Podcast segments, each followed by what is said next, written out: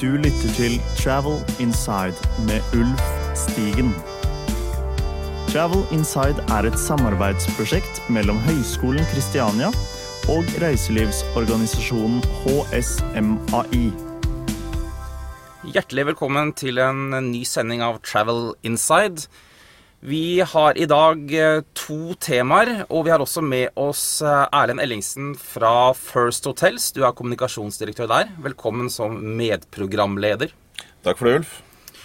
Eh, vi har to, som sagt, to temaer. Eh, vi, vi, starter med å snakke litt om bilutleiebransjen. Eh, og Avis har nettopp lansert såkalte selvbetjente biler i et samarbeid med Obos. Og vi tenkte å høre litt med Morten Torp hva det innebærer. Så har vi også besøk eh, her fra Høgskolen Kristiania av førsteamanuensis Rune Bjerke, som nettopp har kommet ut med en ny bok om events og sponsing. Så det er dagens andre tema. Så har vi også to konkurranser. Um, og så har vi nesten glemt å kåre en vinner fra forrige sending. Det ble Pernille Kristiansen, som visste at det var 181 rom på Comfort Hotel Karl Johan. Og direktør Robert Holand han gratulerer så mye og gir da bort en overnatting for to personer på dette nye musikkhotellet midt på Karl Johan. Gratulerer til Pernille Kristiansen. Så over til leiebilbransjen og Avis. Velkommen til deg, Morten Torp. Tusen takk. Du er salgs- og markedsdirektør. Og eh, kan vi først starte med den såkalte delingsøkonomien som nå herjer mange bransjer. Hvordan eh, møter dere denne utfordringen? Det har vært veldig mye fokus nå på andre private aktører på delingsøkonomi. Altså, vi har alle hørt om nabobil, og vi har hørt om andre, andre delingsøkonomier. og det, Når det gjelder leiebil, så er jo det, sånn som hotell også, så er det egentlig en deling i seg sjøl. Altså, det har vært eh, Leiebilbransjen består av å dele biler mellom folk, så det er jo praktisk delingsøkonomi. Eh, det som gjør ting litt nytt nå, det er jo at teknologien blir stadig mer spennende. Ikke minst bilene. Bilene blir jo det vi kaller connected cars. Dvs. Si at bilene kan kommunisere. Eh, med, med, andre enheter. Og, og, da blir det da enklere for oss å drive med bildeling, eller moderne leiebil, da, som blir bildeling framover. Dvs. Si at du kan hente en bil, låne en bil uten å møte noen folk. Og du kan levere en bil uten å møte noen folk igjen. Så med bruk av telefoni og den teknologien som er i bilen. Mm. Men merker dere stor eh, konkurranse fra, fra Uber og, og, og Nabobil osv.? Man gjør ikke det ennå. Altså, det, er jo mulig at, det er mulig at de aktørene har gått inn og tatt et nytt segment i markedet. Men det, det er, så vidt jeg vet, så er det, vi merker ingenting. Og jeg tror heller ikke de andre leiebilaktørene merker noe av det ennå. Eh, men det er klart, eh, det, den type måte å tenke på er med på å pushe både resten av bilutleiebransjen, som kanskje har blitt sett på som litt sånn gammeldags, eh, litt fossil. Så det er klart det skaper et press, og det er jo utvilsomt så vil jo være leiebilaktørene vil være med på det løpet her. På lik linje som bilaktørene vil gjøre, og det er mange aktører som kommer til å bidra framover i den delingsøkonomien.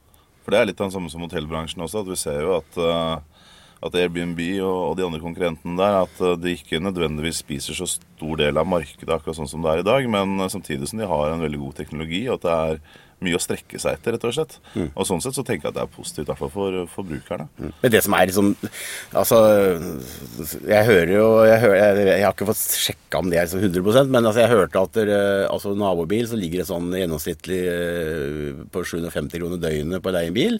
Eh, hos oss så ligger jo gjennomsnittsprisene langt, langt lavere enn det. Mm. Eh, og, og, våre biler er maks to år gamle, ikke sant. Og de andre, jeg antar at i, i nabobilverden så er bilene litt eldre. Så det er klart at det, det, er jo, det, er jo, det, er jo, nyheten som gjør at det blir veldig veldig spennende. Mm. Og det er jo fascinerende selvfølgelig å låne ut bilen, privatbilen sin hvis du har lyst til å gjøre det til noen andre. Eh, men, men det er jo logistikken. Det er jo hele den logistikkbiten som er hemmeligheten eller, eller kunnskapen til leiebilbransjen. Det å levere bilen der du er, og levere den tilbake der du har lyst til å levere den tilbake. Ikke at du må kjøre til noen og hente en bil. Også, altså, det er jo det er logistikken som er, som er liksom hele sikkerheten. Men Morten, når du sier at gjennomsnittsprisen for så vidt kanskje ligger lavere enn nabobil, Så mitt inntrykk er jo at når man kommer til en flyplass og skal hente bilen, så blir man prakket på alle disse forsikringene. Og da, da, da kjøres prisen opp, opp, med 50% med en gang. Stemmer ikke det lenger, eller? Jo da, det, det, det kan man kjøpe. Eh, man har fullt mulighet til å kjøpe seg både ulike tilleggsprodukter som forsikringer og andre produkter hvis man har behov for det. Eh, men eh, det er jo da viktig å, å stikke fingeren i jorda og se har jeg behov for det. Mm. Og ikke bare da la seg overtale til å kjøpe det ut og tenke på om er det er det kost-nytte for meg meg å gjøre det. Noen ganger så er det jo veldig nyttig. Altså, vi selger jo også altså F.eks. det med egenandel er jo et spørsmål. Hvor mye egenandelsrisiko vil du ha hvis du krasjer? Uh, og klart, Noen vil ha null egenrisiko. Altså Hvis jeg krasjer, så, så har jeg forsikra meg mot det også. Og da koster jo det litt, grann, selvfølgelig. Men da må du regne ut da hvor mange dager du skal ha bilen. Er det verdt det, og er det en risiko når jeg har med den bilen? Er det liksom, du må se hele bildet, da. Ja.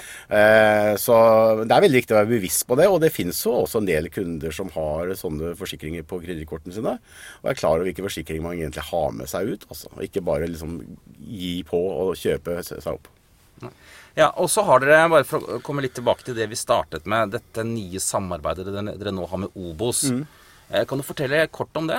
Du, det er jo veldig spennende. Eh, Obos og vi har jobba sammen nå i et års tid med å planlegge det her. Eh, og klart, det, det, blir jo mer og mer biler som ikke har plass, som ikke har parkeringsplass rundt omkring i de ulike boområdene. Og det er jo et problem for beboerne at folk har liksom én, to og kanskje tre biler noen ganger. Håndverksbil og sånn tillegg. Og kanskje disponerer én parkeringsplass nye prosjekter til Obos nå er jo begrensa med parkering. Man ønsker å bygge mindre parkering. Og det er klart at det, det å ha en bildelingspark, selvbetjent biler eh, stående for beboerne, det er jo, det er jo framtiden. Eh, og det vi gjør nå, vi går ut nå, tester ut nå det her i dag i Kvernebyen borettslag og i Romsås borettslag, eh, Romsås-området eh, til forskjellige borettslag der. Og at vi har satt ut Vi har investert nå ja, flere millioner i nye biler som altså står der ute nå, som de, da beboerne kan bruke. Og da laster de bare ned appen vår, og så bestiller de bilen på appen. og så kjører de og låser bilen og lokker bilen og leverer bilen med appen sin, så alt er liksom ganske sømløst. Og så er det da viktig for oss å ha en bilflåte. altså folk trenger, En dag så trenger du en varebil. Eh, kanskje du skal på Ikea og hente noe, så trenger du kanskje en sånn litt større varebil. Eh, en annen dag så skal du kjøre noen barn på kanskje trenger en niseter. og det er, liksom, det er litt forskjellige behov i løpet av en uh, uke og et år.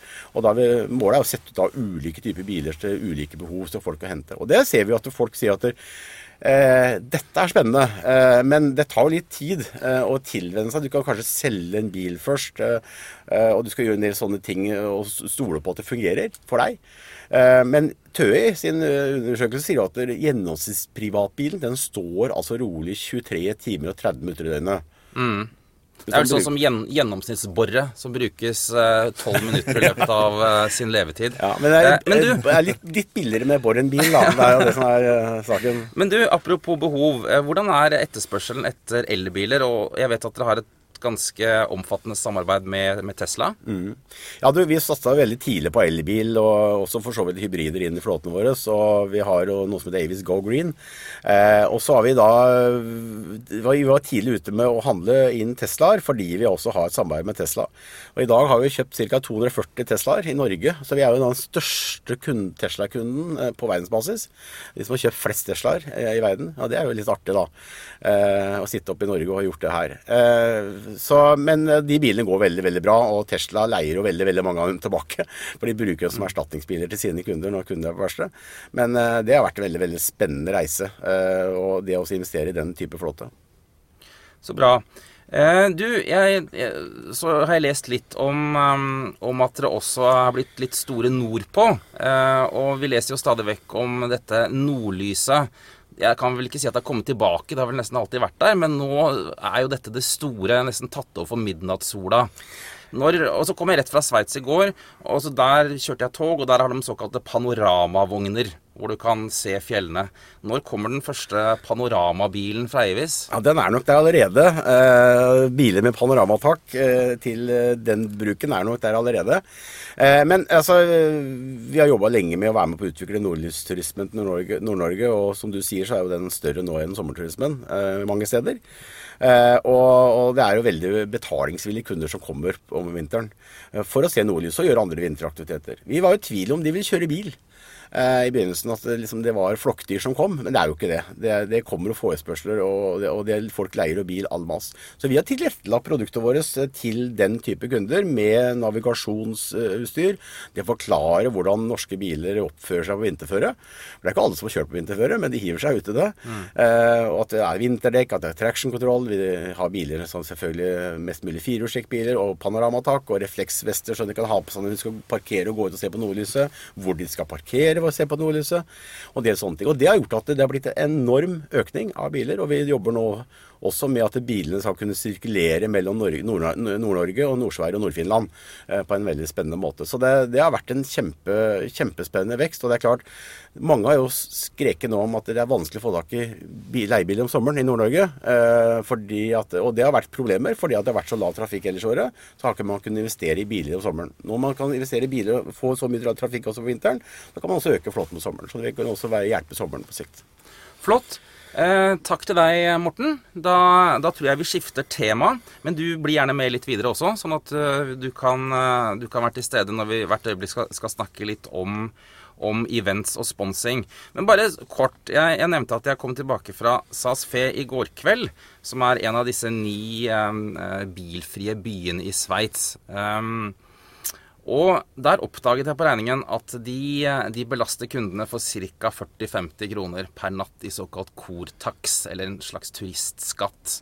Nå sitter jeg her med, med tre andre eh, her i studio som også kjenner eh, norsk reiselivs utfordring eh, og, og, og, samarbeidsutfordringer ganske sterkt. Er en slik kurtaks eller turistskatt, er det noe å gå videre med også her i Norge? Erlend? Det er, mange, det er mange muligheter. Vi ser jo at, uh, at, man betaler det rundt omkring i Europa, fryktelig mange forskjellige byer i Europa, uten at man egentlig, eller uten at jeg har vært veldig oppmerksom på det. Uh, jeg tror at det viktigste med en eventuell turistskatt er at de uh, midlene er så øremerket og kommer tilbake til destinasjonen og reiselivsselskapet. Eller ikke reiselivsselskapet, men, men, destinasjonsselskapene. Så tror jeg absolutt at det, at det kan være interessant. Selv om jeg ikke er sånn kjempepositivt for, innstilt for nye avgifter. Jeg, jeg, tror også at det ville vært en hel altså det, er mange, det, er mange forsøk, eh, det har vært mange forsøk på det i Norge så, så langt. Jeg vet Lofoten fikk jo nei på å prøve ut det nå allerede nå for litt siden. Jeg vet Trysil har jobba mye med det, og det er andre destinasjoner som har jobba for å få til en kurtaksløsning. Isolert sett så er det jo veldig veldig bra at pengene kommer tilbake til den destinasjonen, for de trenger å utvikle seg på det spesielle området.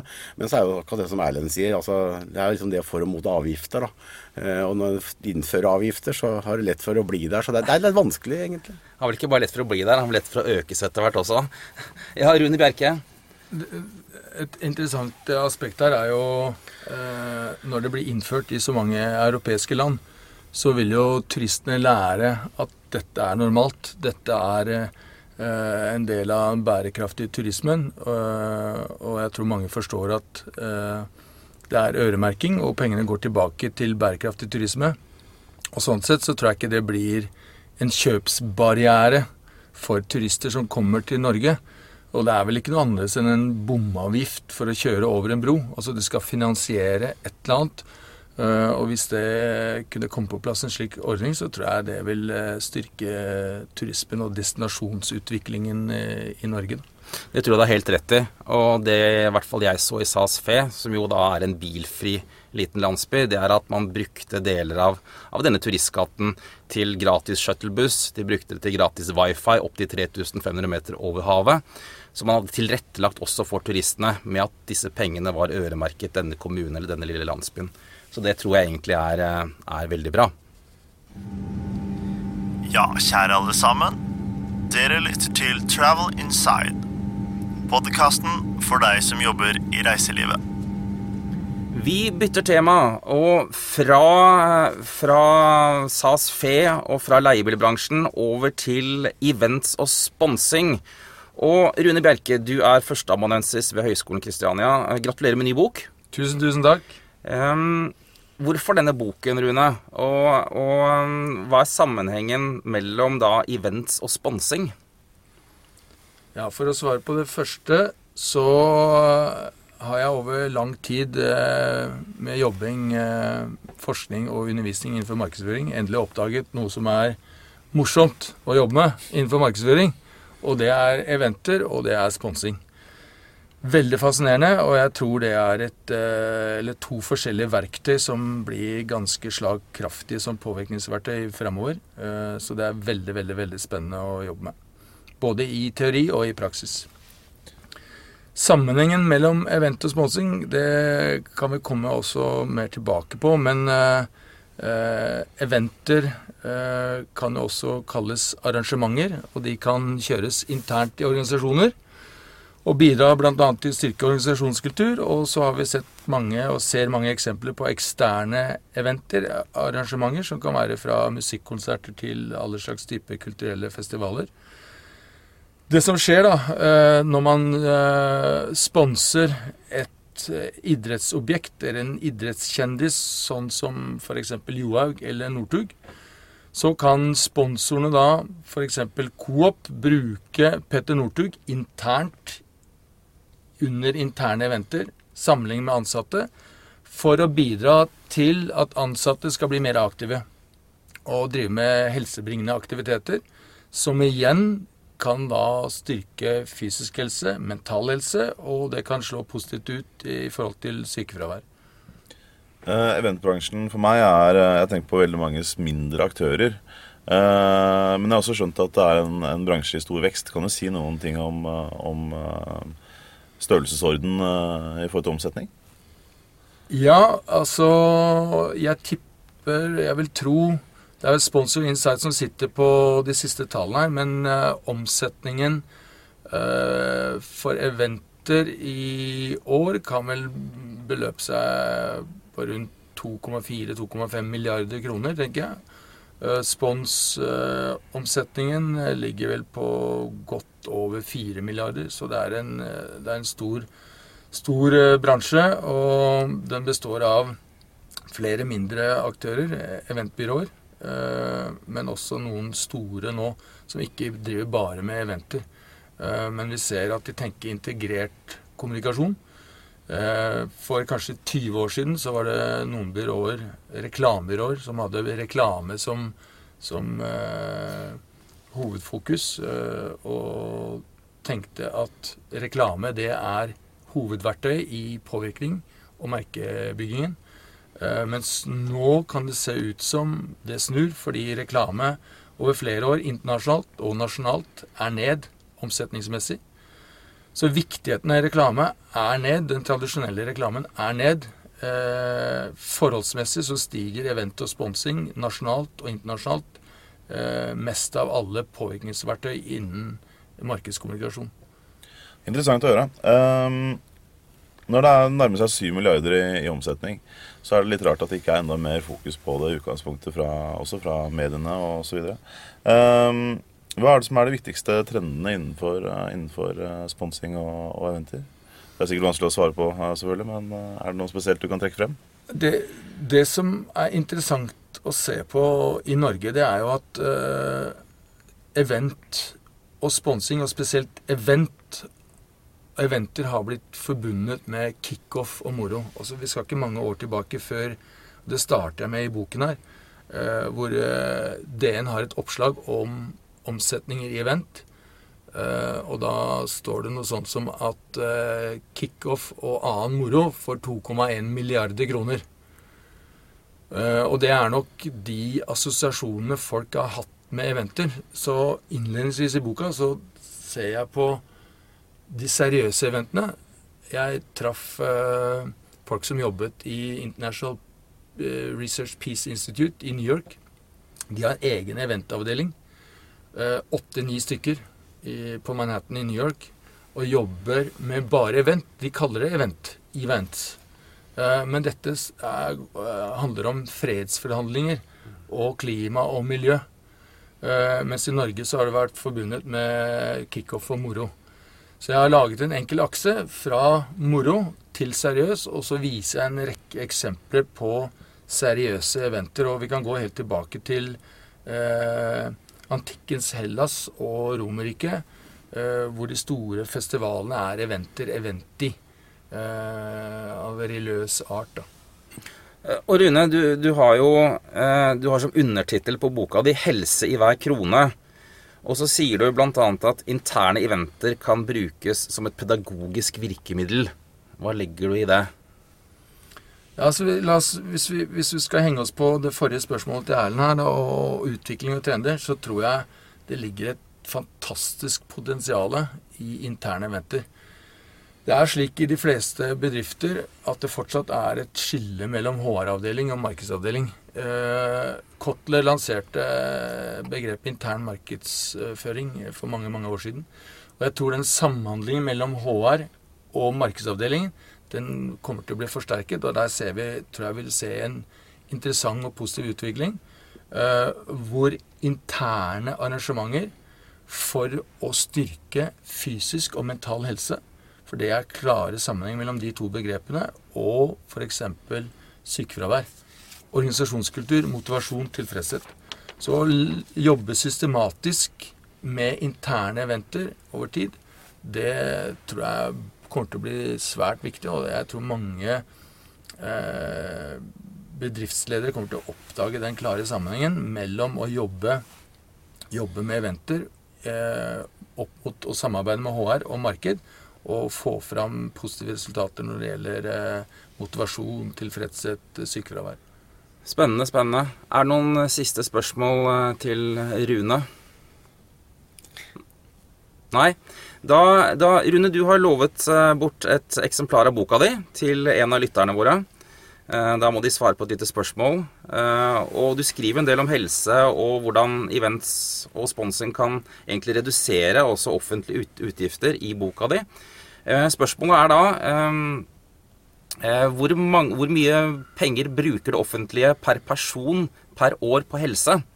Jeg forstår det riktig da, Rune? Ja, altså I statsbudsjettet for 2014 så ble det lagt inn Det var vel noe over var det 54 000 kroner per pers per år.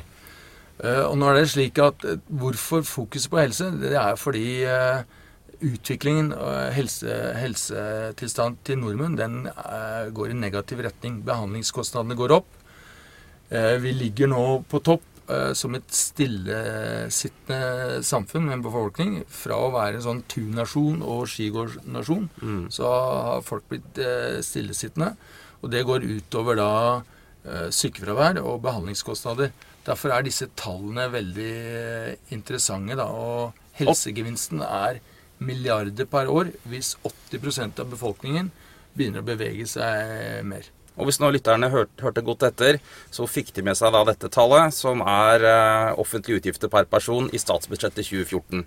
Send svaret til travelinside at christiania.no. Eh, og du kan da vinne den nye boka som heter 'Eventledelse og sponsing helse i hver krone' av Rune Bjerke. Og jeg holdt på å si ikke nok med det. Men Morten Torp, du gir også bort en liten premie til en av lytterne våre. Ja, vi gir bort en weekendleie med en, en av våre leiebiler eh, til de som, eh, de som eh, vet, vet svaret på konkurransen.